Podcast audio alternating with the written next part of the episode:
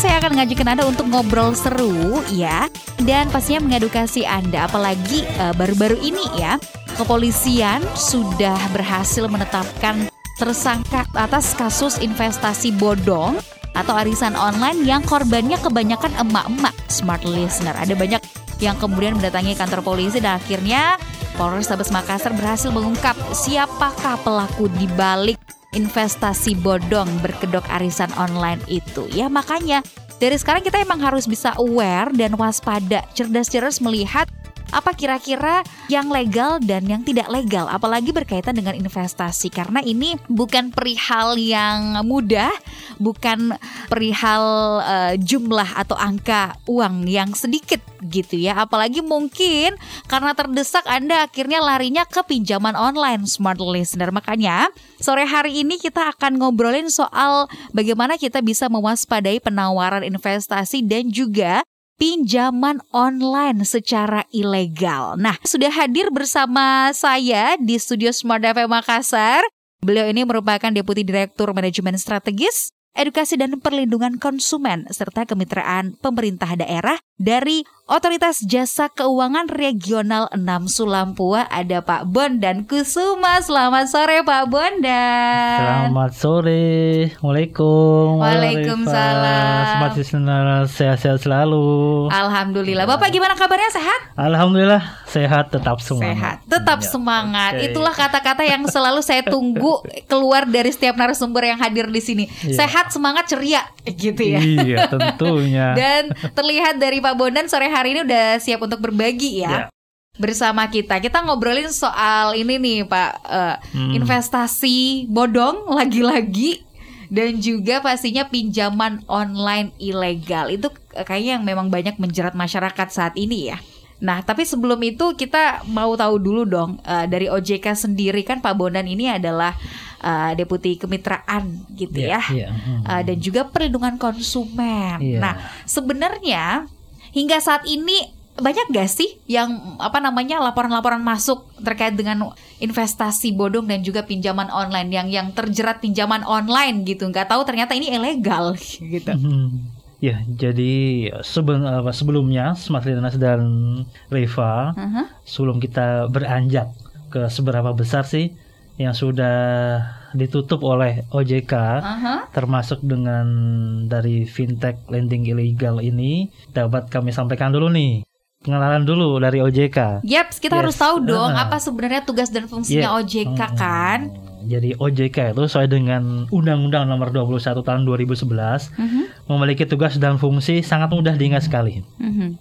OJK itu tugas dan fungsinya adalah mengatur, mengawasi dan melindungi. Yap. tiga ini. Kita mengatur dan mengawasi siapa? Jadi kita mengatur ada industri perbankan, kemudian industri pasar modal dan industri keuangan non bank. Mhm. Bang, jadi teman-teman sama di sana bertanya-tanya nih, Pak Mudan, IKNB itu apa? IKNB itu kalau tadi disebut ada mak-mak yang tertipu oleh eh, Arisan online. online, tentu mak-mak ini eh, ingat juga apa itu pegadaian. Nah, pegadaian ini diawasi oleh OJK. Kemudian yang sedang marak ini ada pinjaman online pinjol Mhm. pinjol ilegal. Nah, kalau yang legalnya ada juga yang diawasi oleh OJK. Nah, nanti akan kita ulas lebih lanjut bedanya antara pinjaman online legal dan pinjaman online ilegal seperti apa.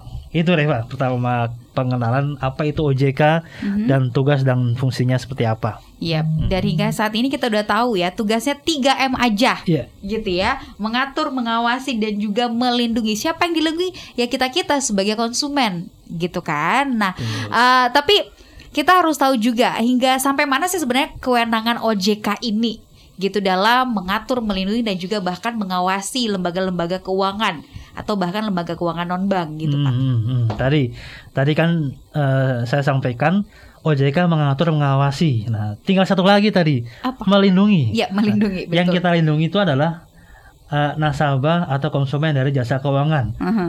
Konsumennya dari perbankan, IKNB atau pasar modal. Kalau umpama anggota koperasi, kira-kira dilindungi OJK tidak? Mhm. Nah, kalau koperasi ini karena pengawasannya tidak diawasi oleh OJK, yaitu diawasi oleh dinas koperasi, Koperasi, yap. maka pengawasannya ada di dinas koperasi seperti itu. Mhm. Nah, terkait dengan kewenangan OJK dalam melindungi konsumen dan masyarakat, kita sesuai dengan Undang-Undang Nomor 21 Tahun 2011 di pasal 28 kita berwenang memberikan informasi edukasi kepada masyarakat atas karakteristik sektor jasa keuangan layanan dan produknya. Contohnya yang sore hari ini Mhm. kita melihat kalau di media massa banyak masyarakat yang sudah terjerat oleh pinjaman online yang ternyata itu ilegal Mhm. eh, phone booknya, kemudian data-data pribadinya itu disalahgunakan oleh pinjaman online ilegal. Nah, tugas kita dari OJK, dari teman-teman media dan juga dari seluruh masyarakat, kita meminta masyarakat untuk menyampaikan edukasi. Ya. Karena kalau edukasi ini lebih murah daripada sudah menjadi korban. Mhm. Contohnya seperti itu. Edukasi lebih murah sekali. Dan edukasi ini bukan hanya kewajiban OJK, seluruh kewajiban masyarakat. Dan juga tentunya teman-teman smart listeners ini yang pada saat ini berkesempatan mendengarkan wawancara kita sore hari Iya. ini bisa disampaikan kepada saudara, keluarga yang barangkali belum sempat hadir pada saat kesempatan seperti ini. Mhm. Kemudian di pasal 29 selain memberikan edukasi, OJK juga melakukan pelayanan pengadaan konsumen. Jadi kalau mau Pak Bondan, saya sudah saya eh, pinjamannya saya rasa setiap bulan saya menyicil. Cuman ketika di tengah jalan saya sedang menyetir kendaraan tiba-tiba ada yang memberhentikan untuk menarik kendaraan saya. Kira-kira kalau seperti itu bisa nggak lapor ke OJK, Rifa? Boleh dong. Boleh, boleh, boleh. Pasti akan dilayani oleh OJK. Apalagi kalau lembaganya sudah tercatat di OJK Betul, ya. betul, betul. Nanti kita akan sampaikan 2L ini. Ya, Mhm. Dua ini nanti L, wow. 2L. Apa Nanti itu kita 2L? kita simpan 2L ini seperti apa. Oke, Oke. baik. Nah, edukasi memang sangat penting ya. Lebih baik mencegah daripada mengobati ya. Kalau misalnya udah tertipu, udah kena jeratan pinjaman online atau bahkan kena eh, apa namanya kasus investasi online itu bisa bahaya ke Iya, depannya. betul, Jadi betul. akan menyesal di belakangan hari. Makanya sore hari ini kita hadir untuk eh, memberikan pencerahan bagi smart listener bahkan bagi kami pribadi mewaspadai penawaran investasi dan juga pinjaman online ilegal ya. Kita kenalan dulu sama investasi.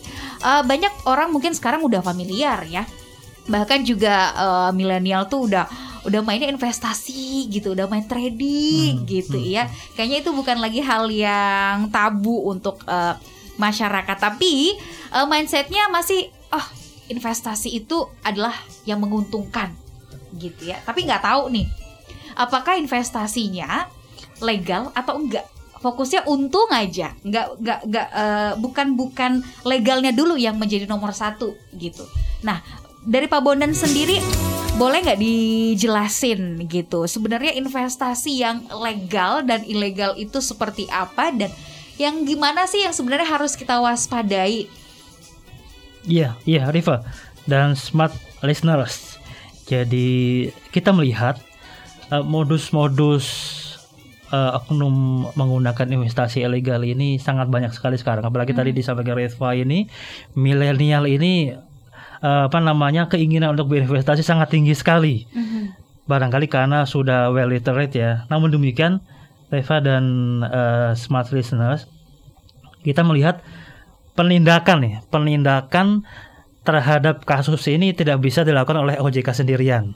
Nah, sebelum sa- nanti saya melangkah kepada ciri-ciri investasi legal dan ilegal, nah, kita eh, akan jelaskan dulu siapa sih yang menindak kalau ada investasi ilegal. Aha. Nah, OJK bersama dengan seluruh ada 13 kementerian dan lembaga membentuk namanya Satgas Waspada Investasi. Oke. Ada OJK, kemudian ada kejaksaan, ada kepolisian tentunya, kemudian perdagangan, Kominfo, Bank Indonesia, koperasi, kemudian koperasi dan lain sebagainya. PPATK juga ada juga. Karena apa? Modus yang ditawarkan oleh ekonom ini kadang menggunakan lembaga yang di luar pengawasan dari OJK.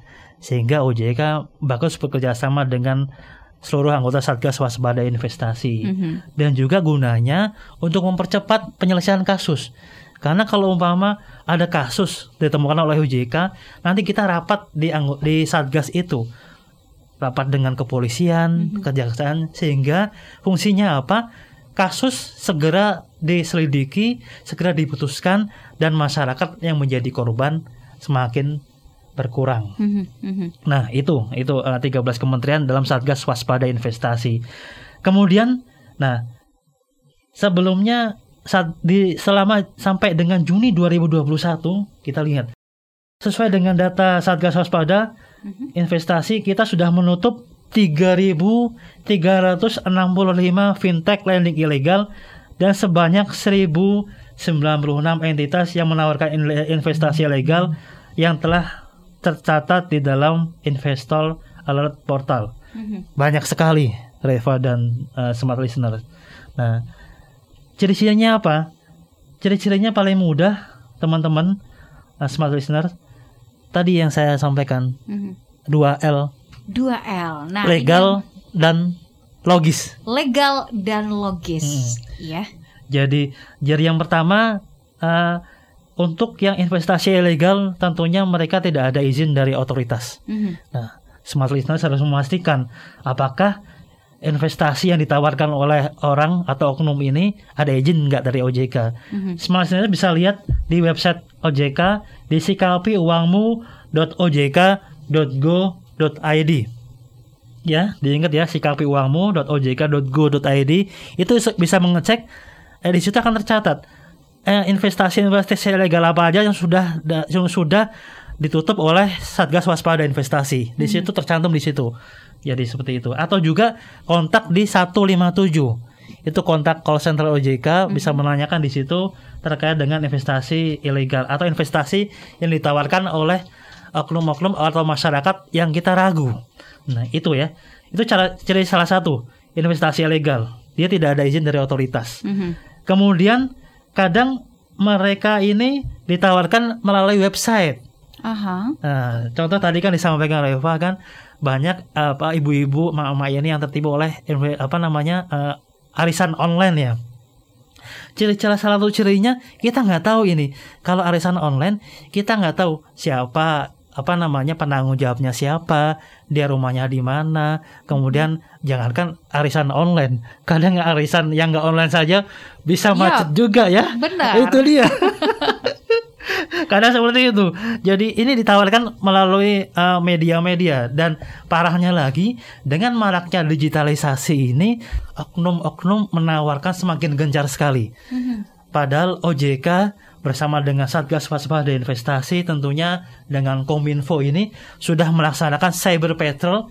Kita menutup setiap hari sudah banyak sekali sudah kita tutup. Namun demikian kita tutup satu, besok mereka tumbuh 10 Iya iya iya. mereka Mati berganti satu tumbuh seribu. berganti gitu ya. berganti baju Oh, padahal tetap oke. sama, sama saja mereka intinya apa namanya menipu masyarakat investasi eh, cek dulu legalitas Mhm. dan cek juga logisnya logisnya itu kita melihat apakah bonus yang ditawarkan ini sudah sesuai nggak dengan dengan apa namanya logika kita Mhm. Contohnya kalau perbankan kan eh, seperti deposito kadang menawarkan 8 atau 6% persen per tahun.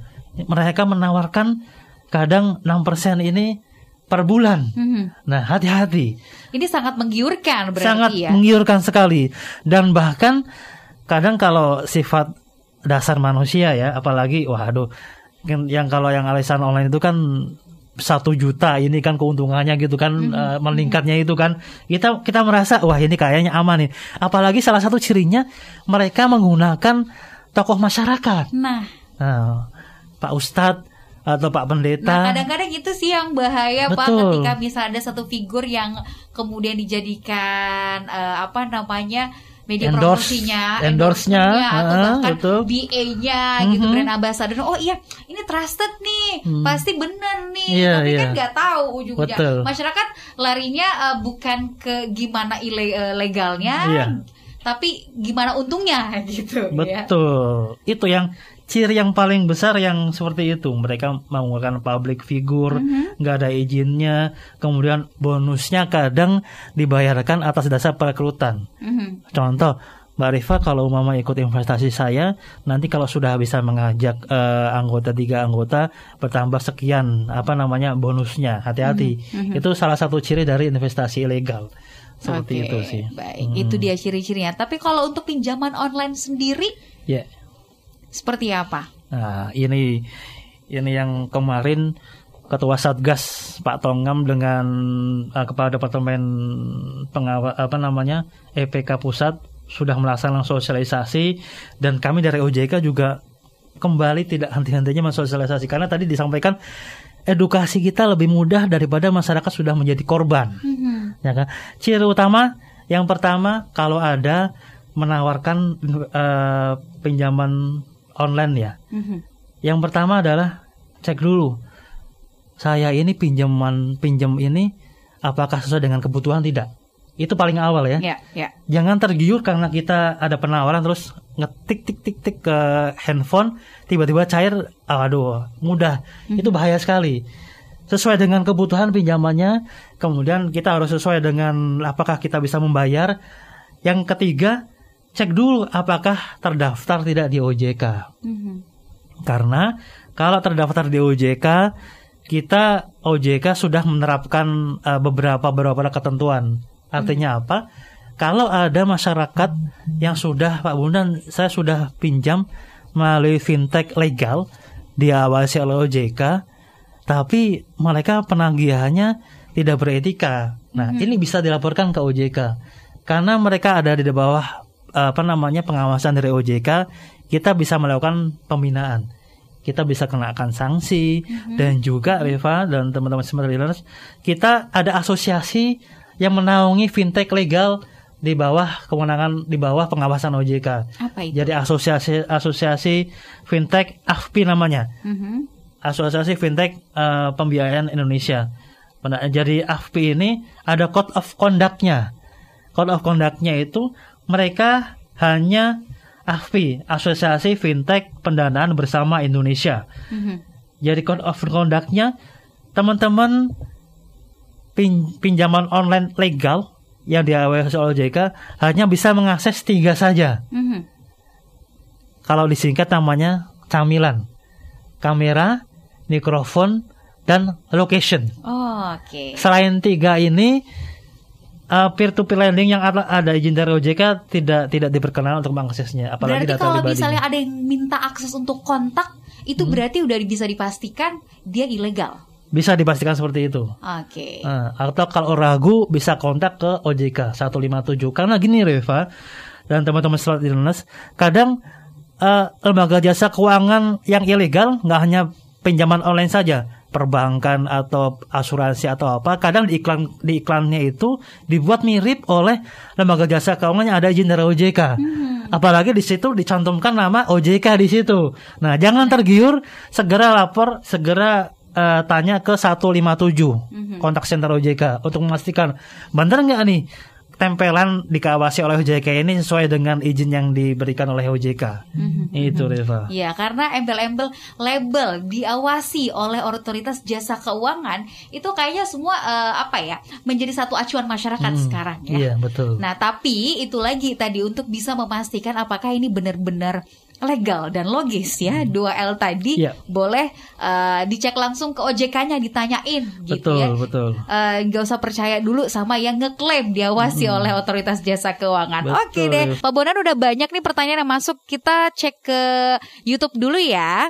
Kita sapa satu-satu yang masuk. Ada Detars, ada Dimas Jaka, ada Edward Immanuel. Selamat sore. Ada Ali, ada Yuli Pardah. Yuli Pardaha Sugian. Nah, kita bacakan satu-satu pertanyaannya. Kita mulai dari Detars dulu deh. Selamat sore, Pak Bondan. Walaupun aplikasi sudah terdaftar di OJK, apakah tetap ada jaminan bahwa nantinya mereka tidak melakukan kebohongan terhadap nasabahnya, Pak? Jadi memang eh, terkait dengan aplikasi ataupun terkait dengan perbankan, IKNB atau pasar modal yang oleh OJK, Pak Bonan apakah ini bisa terhindari dengan adanya didaftarkan apa mendapat izin dari OJK? Saya sampaikan OJK sudah mengeluarkan tadi kan OJK mengatur mengawasi. OJK sudah mengeluarkan pengaturan code of conduct-nya, kemudian manajemen risikonya seperti apa, sudah sangat rigid sekali. Namun demikian teman-teman sekalian, OJK juga ada namanya pelindungan konsumen. Mhm. Artinya apa? OJK tidak tidak tidak bisa menutup mata. Kan yang bekerja di perbankan, di IKNB pasar modal itu kan manusia kan. Mereka juga kadang kilaf juga kadang tergoda juga. Makanya OJK ada namanya edukasi pelindungan konsumen. Artinya apa? Ketika ada nasabah yang di- dirugikan oleh lembaga jasa keuangan yang diawasi oleh OJK, maka OJK bertanggung jawab me- mengembalikan hak konsumen tersebut. Artinya apa? Ketika ada yang ditipu nih, apa namanya eh, karyawan perbankan, pasar modal IKNB merugikan konsumennya, kita akan melihat kasusnya seperti apa. Kalau memang itu kesalahan dari industri yang diawasi OJK, maka tidak segan OJK juga menetapkan sanksi kepada industri dimaksud. Mhm, mhm. OJK juga peran OJK dalam melindungi masyarakat sampai dengan kita akan mencabut izin dari lembaga jasa keuangan tersebut apabila memang merugikan masyarakat dan juga terkait dengan beberapa ketentuan yang dilanggar oleh lembaga jasa keuangan tersebut. Oke, Itu jadi sanksi terberatnya kalau misalnya udah terdaftar di OJK tapi tetap merugikan konsumen, Iya. merugikan nasabah, bisa-bisa dicabut izinnya oleh OJK dan tidak boleh beroperasi lagi. Iya, iya, seperti Begitu itu. ya. Oke, sudah terjawab ya Deters dari Jima- eh, Dimas Jaka. Gimana caranya menghilangkan data saya di database pinjaman online nih Pak? Soalnya banyak sekali nih yang menghubungi saya dari nomor-nomor yang tidak dikenal akhirnya. gitu. Mungkin dia pernah minjam dana di pinjaman online terus ternyata kontaknya disebarluaskan. Ah, gitu. Iya, iya betul. Nah, sebelum saya mem- mem- mem- apa, menjawab, kita eh, saya bertanya dulu. Kira-kira sebelumnya sudah sudah pernah memberikan nomor handphone ke siapa saja? Mhm. Kalau umpama ke media online atau apa sudah pernah belum? Ke media sosial sudah pernah belum memberikan apa namanya eh nomor handphone? Kita nggak bisa juga men- me- menelusuri ini kira-kira dapatnya dari mana? Karena semuanya mudah didapatkan. Dan semuanya kadang dijadikan oleh oknum-oknum untuk memberikan penawaran-penawaran yang kadang mengganggu. Kami dari OJK sudah menerapkan aturan bahwasanya seluruh lembaga jasa keuangan yang diawasi oleh OJK kita mengatur kalau menawarkan jasa keuangan harus ada etikanya.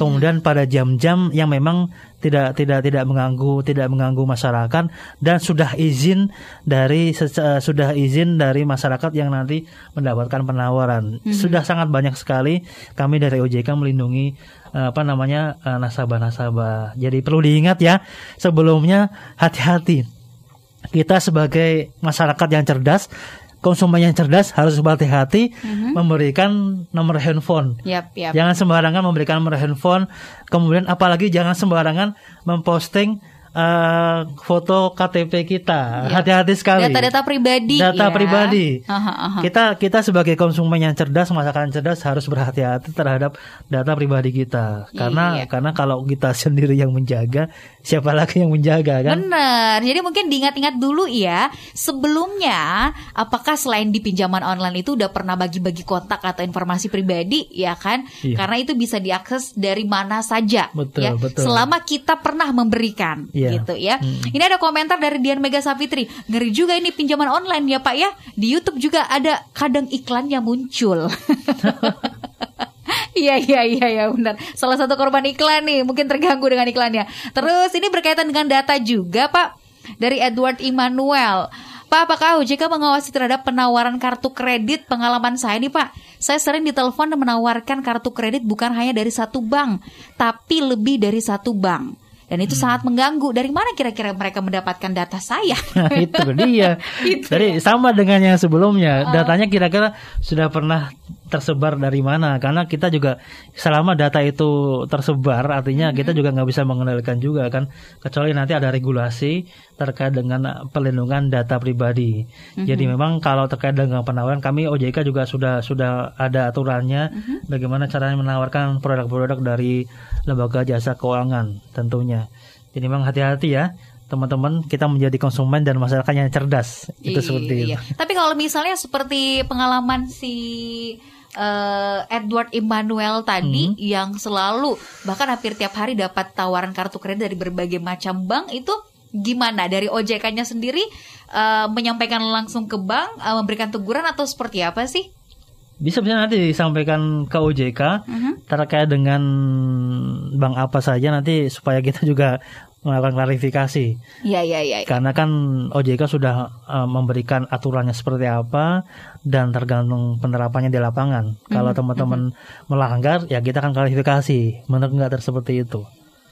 Oke deh, baik nanti akan dicek dulu ya. Iya. Boleh ke 157 berarti ya Edward Immanuel kalau misalnya pengen lebih eh, lanjut lagi ya untuk informasi selengkapnya. Nah, selanjutnya dari Ali. Tawaran pinjaman online memang hanya dalam lima menit sudah cair dan bunganya hanya sekian persen, sangat sedikit. Nah, ini apakah menjadi termasuk tanda-tanda aplikasi yang aman untuk melakukan pinjaman atau seperti apa? Nah, mungkin eh, Ali atau bahkan smart listener pengen dikasih tahu nih untuk mengenali pinjaman online selain tadi yang Bapak sudah eh, sampaikan code of conduct-nya hanya boleh mengakses tiga hal gitu ya. Selain itu apakah bunga yang kecil dan pinjaman yang cepat itu menjadi salah satu eh, indikator juga ini aman atau enggak gitu. Iya, iya. Jadi teman-teman sekalian, memang tadi cek dulu ya, cek dulu apa namanya eh, legalitasnya. Yang kedua, jangan tertipu modus pinjaman yang kecil dan pencairan yang cepat. Jangan sampai nanti kita sudah mengoke kan, mengklik oke, nanti data pribadi terserap di situ, kita baru sadar, baru cek ke 157. Kira-kira itu terlambat atau terlambat, Reva? Terlambat. terlambat ya karena Karena mengecek udah oke. ya, sudah oke ya Benar. Nah, seperti itu jadi memang jangan tertipu oleh nanti bunganya seperti apa karena ketika kadang modus dari investasi apa namanya pinjol ilegal ini mereka sangat cepat sekali approvalnya. Kita kita kadang kita tidak eh, belum oke atau apa gitu kan. Kita sudah melakukan secara pribadi tiba-tiba uang sudah masuk. Uang sudah masuk kemudian kita tidak bisa bayar mereka akan meneror oleh meneror ke apa namanya ke nasabah ke masyarakat. Kemudian Pak Bundan kalau saya sudah sudah menjadi korban ini sudah ditelepon apakah saya Diteror terus. diteror terus? Terus bagaimana tindakan saya Mhm. Nah, itu belum ada yang nanya kayak gitu ya.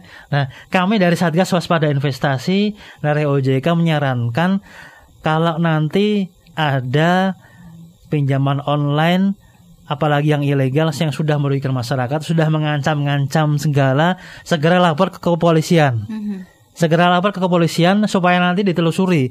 Karena kan di polisi kan ada ada cybercrime, ada beberapa perangkatnya yang nanti bisa mendetek apakah ini lokasinya di mana. Jadi bisa mel- melakukan penindakan. Kami dari OJK menyarankan ke seperti itu. Even penyaman legal pun kalau mereka sudah tidak beretika, sudah mengancam, ini sudah masuk ke ranah pidana. Oke. Ya, kita kita arahkan juga kepada kepolisian untuk melaporkannya. Itu sih. Oke, baik. Jadi kita harus mengenali betul ya modusnya seperti apa. Eh, pinjaman yang cepat cair dan persyaratan yang nggak neko-neko itu bisa jadi salah satu modus ya fintech eh, lending ilegal ini untuk eh, menjerat Anda gitu smart listener ya. Boleh dicek lagi ke OJK-nya. Nah, terus dari Mila Makassar. Saat ini kita menga- saat kita mengajukan pinjaman kilat melalui pinjaman online, kita disarankan untuk jangan lupa lindungi keuanganmu dulu dengan asuransi jiwa. Nah, bisa ndak dijelaskan fungsi dari asuransi jiwa ini, Pak? Kadang-kadang juga banyak masyarakat yang eh, ujung-ujungnya merasa saya tertipu dengan asuransi saya gitu. kok banyak banget ditariknya polisinya banyak banget, tapi kok kembalinya kembalinya tidak sesuai gitu, Pak. Jadi gini Reva, jadi apa namanya kita harus pisahkan nih terkait dengan pinjaman online ilegal dengan asuransi jiwa. Jadi kita melihat eh, tujuan asuransi jiwa ini sangat sangat mulia sekali. Bayangkan kita melihatnya bukan bukan sekedar saya bayar polis kemudian hilang begitu saja. Bayangkan kalau umpama nanti kan kalau asuransi jiwa kan yang dilindungi itu adalah eh, jiwa dari apa namanya eh, kepala rumah tangga ya yang memberi, yang eh, memberikan memberikan penghidupan di situ. Ketika ketika kepala rumah tangga ini tidak ada apa-apa, alhamdulillah, artinya artinya ba- bagus ya. Cuman kalau umpama ada apa-apa dengan kepala rumah tangganya ini yang membiayai kehidupan sehari-hari, kalau umpama ini ada apa-apanya, maka asuransi jiwa masuk di situ. Iya. Gunanya apa? tidak tidak memberikan sesuatu yang besar sekali, namun memberikan memberikan jaminan supaya keluarga yang ditinggalkan ini bisa hidup layak sampai dengan nanti bisa bisa kembali normal lagi. Nah, terkait dengan asuran apa asuransi jiwa yang dikaitkan dengan eh, pinjaman online, kita harus cek dulu apakah pinjaman online ini ada izin nggak dari OJK kemudian produk asuransinya juga adakah izin dari OJK tidak. Karena memang kalau serba online serba online ini kita tidak bisa mengecek. Apa pun kita malas mengecek maka kita menjadi pihak yang akan dirugikan. Benar. makanya kita menjadi konsumen yang cerdas. Seperti itu. Mhm. Jangan malas untuk ngecek dan recheck ya gitu. Eh, sampai Juni 2021 OJK bersama dengan eh, Satgas Waspada Investasi sudah menutup lebih dari 3000 ya fintech lending ilegal dan ini pasti jadi satu langkah untuk kita bisa lebih mewaspadai lagi ya biar nggak banyak lagi orang-orang yang jadi korban pinjaman online salah satunya mungkin Nesti May nih di YouTube channel Pak Bondan Iya. Eh, bagaimana Pipa kepepet Miki mau pinjam di bank umum banyak persyaratan dan cukup lama prosesnya. Nah kalau pinjaman online ini sangat cepat jadi terpaksa mami kesian sudah cepat dan tertolong jadi saat butuh tidak berpikir resiko lagi gitu. Tanggapannya gimana Pak? Kalau udah kepepet nih gimana dong? Itu dia Riva. Jadi Listeners per 2 September 2021 sudah ada 114 platform fintech yang legal. Aha. Jadi teman-teman jangan risau, ada 114 platform yang legal. Atau daripada meminjam ke ke yang ilegal, kenapa nggak coba aja yang Mhm. legal? Itu yang pertama pastinya ya, cek legalitasnya. Kemudian tipsnya seperti apa? Selain terdaftar di OJK, juga diingat juga pinjam sesuai kebutuhan dan kemampuan. Benar. Jangan sampai besar pasak Daripada tiang. daripada tiang. Bener. itu itu Iya, iya, yang iya. harus yang kemudian pinjam untuk kepentingan yang produktif Mhm. yang produktif jadi fintech lending yang 114 ini selain selain apa namanya konsumtif juga ada juga fintech yang memang fokus untuk produktifnya Mhm. dia ada ada yang bekerja sama dengan petani kemudian ada juga dia mengurusi bagaimana edukasi bertani yang baik dan juga sampai dengan penjualannya seperti apa Oke. Kemudian pahami manfaat biaya, bunga, jangka waktu, dana dan risikonya. Ya. Itu contoh kita menjadi uh, konsumen yang cerdas. Baca hal hati-hati. Pak Bondan, kalau saya polis asuransi itu uh, tulisannya kecil-kecil, Pak. Ya, sebagai konsumen yang cerdas, kita minta jelaskan dari agennya. Tolong jelaskan ini. Jangan sampai kita sudah kecil-kecil sudah kita sudah malas baca, kita Pasalnya tanda tangan. pula ya. Kita tanda tangan. Iya iya iya. Tanda tangan ketika kita mau klaim, ternyata klaim kita itu di luar ketentuan dari polis itu. Nah, iya, iya, Bagaimana kita menjadi konsumen yang cerdas? Kemudian, Oke. Pak, kalau terlanjur men- terlanjur terjerat di pinjol ilegal, Aha. Tentunya harus segera lunasi. Iya iya iya. Segera- Jangan tunggu lagi. Jangan tunggu lagi dan segera laporkan ke Satgas Waspada Investasi melalui waspada investasi at ojk.go.id. Oke. Itu tips eh, teman-teman smart listeners Mhm. bagaimana kita eh, meminjam di fintech yang legal. Dan Oke. insya Allah ini lebih aman dibanding kita di fintech yang ilegal. Benar, karena sekarang udah ada 114 14 perusahaan. fintech lending eh, yang legal, Yang legal. ya, yang sudah terdaftar oleh OJK Iya, ya. betul. Oke, nah selanjutnya Pak, Mm-mm. eh, sampai di mana sebenarnya peran OJK dalam mendampingi kasus-kasus penyalahgunaan data? gitu ya dan biasanya ketika menangani eh, kasus baik pinjaman online ataupun waspada eh, eh, ataupun investasi bodong Hmm. gitu ya apa biasanya menjadi kendala Ya. dari OJK Yang pertama terkait dengan eh, peran OJK untuk melindungi data masyarakat ya. Yang pertama tadi eh, tadi sudah kami jelaskan ada namanya Satgas Waspada Investasi terdiri dari 13 kementerian lembaga. Eh, penanganan terkait eh, data pribadi Mhm. Tidak ada di kewenangan di dalam OJK. Iya. Namun demikian OJK bisa membawa kasus ini kepada Satgas Waspada Investasi. Iya, yang di dalamnya situ ada Kominfo ya. Kepolisian, ada Kominfo, ada kejaksaan. Kita rembuk bareng-bareng supaya apa? yang pastinya masyarakat terlindungi. Iya. Dan kalau smart eh, baca di media beberapa waktu yang lalu sudah ada kesepakatan antara ketua OJK, kemudian ada juga dari Kapolri, ada juga dari Kementerian Kominfo itu bagaimana masyarakat ini menjadi terlindungi dari pinjaman online yang ilegal dan tentunya data masyarakat juga menjadi eh, Aman ya. aman juga. Oh. Kemudian tadi yang terakhir apa, Rifa? Biasanya kendalanya apa sih dari OJK Oke. gitu? Kalau misalnya dalam penanganan kasus Hmm. eh, investasi atau bahkan pinjaman online gitu. Hmm. Jadi yang paling utama ini kadang eh, masyarakat ini ya, masyarakat selama masih menguntungkan walaupun tahu investasinya itu ilegal, tentunya setelah mengecek dari OJK ya, masyarakat enggan melapor ke OJK atau atau anggota Satgas Waspada Investasi. Karena ber- bisa berpikir dia berpikir, waduh, ini investasi ini ilegal sesuai dengan saya kontak 157. Cuman kalau saya lapor nanti investasi ilegal ini ditutup oleh OJK atau kepolisian, maka saya nggak dapat. Padahal informasi ini kalau bukan masyarakat yang sudah ikut dapat dari mana? Iya. OJK tidak bisa tidak bisa tahu seperti itu, apalagi kepolisian nggak bisa tahu. Kalau biasanya oknum-oknum ini menyembunyikan kejahatannya, itu masyarakat enggan melaporkan. Mhm. Kemudian masyarakat yang menjadi korban tidak melapor karena malu, Aha. karena malu atau alasan lainnya dan lebih memilih lapor di medsos. Oke. Atau mungkin karena takut ada biayanya lapor di OJK atau takut ribet mungkin Pak? Iya iya iya. Apakah seperti itu? Tentu tidak. Tentu OJK tidak, ya. 157 itu apa namanya? Silahkan kontak ke 157 atau WA ke 081 bisa dicatat smart Signals 081 157 157 157 Mhm. pasti diingat ya. 081 157 nya tiga kali. Itu eh, smart listeners bisa ngecek sekarang.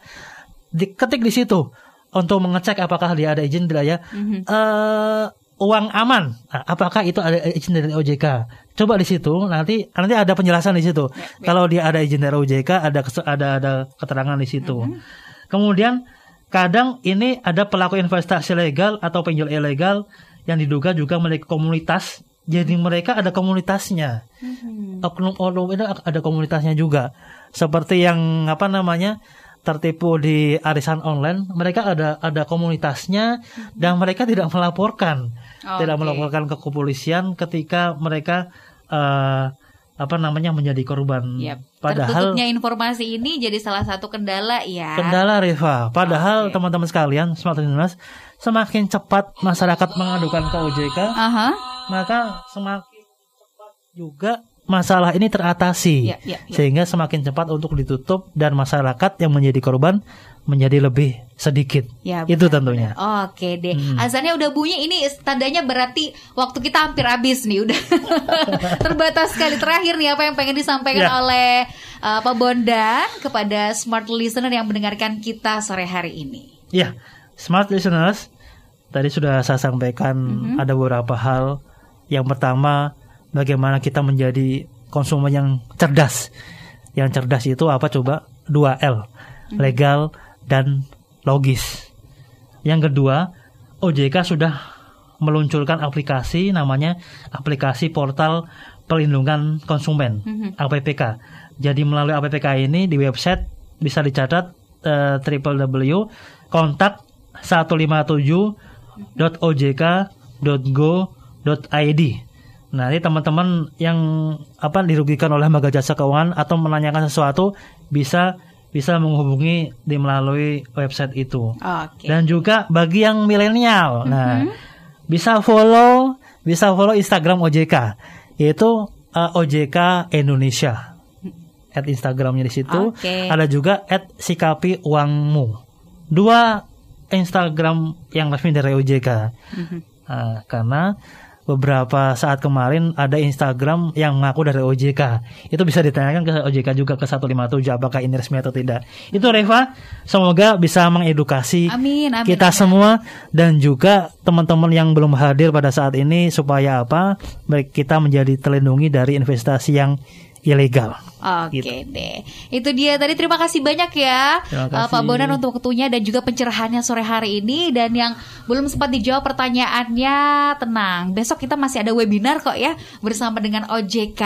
Tentunya akan mengulas lebih lanjut lagi soal investasi bodong ini. Terima kasih sekali lagi Pak Bondan. Sehat-sehat kasih. terus. Anda juga Ya. bisa langsung mengkontak uh, WhatsApp dari OJK 08 11 157 157 157. Terima kasih Rival Majid pamit. Sukses untuk Anda. They call it news, knowledge, business information. Wisdom, inspiration.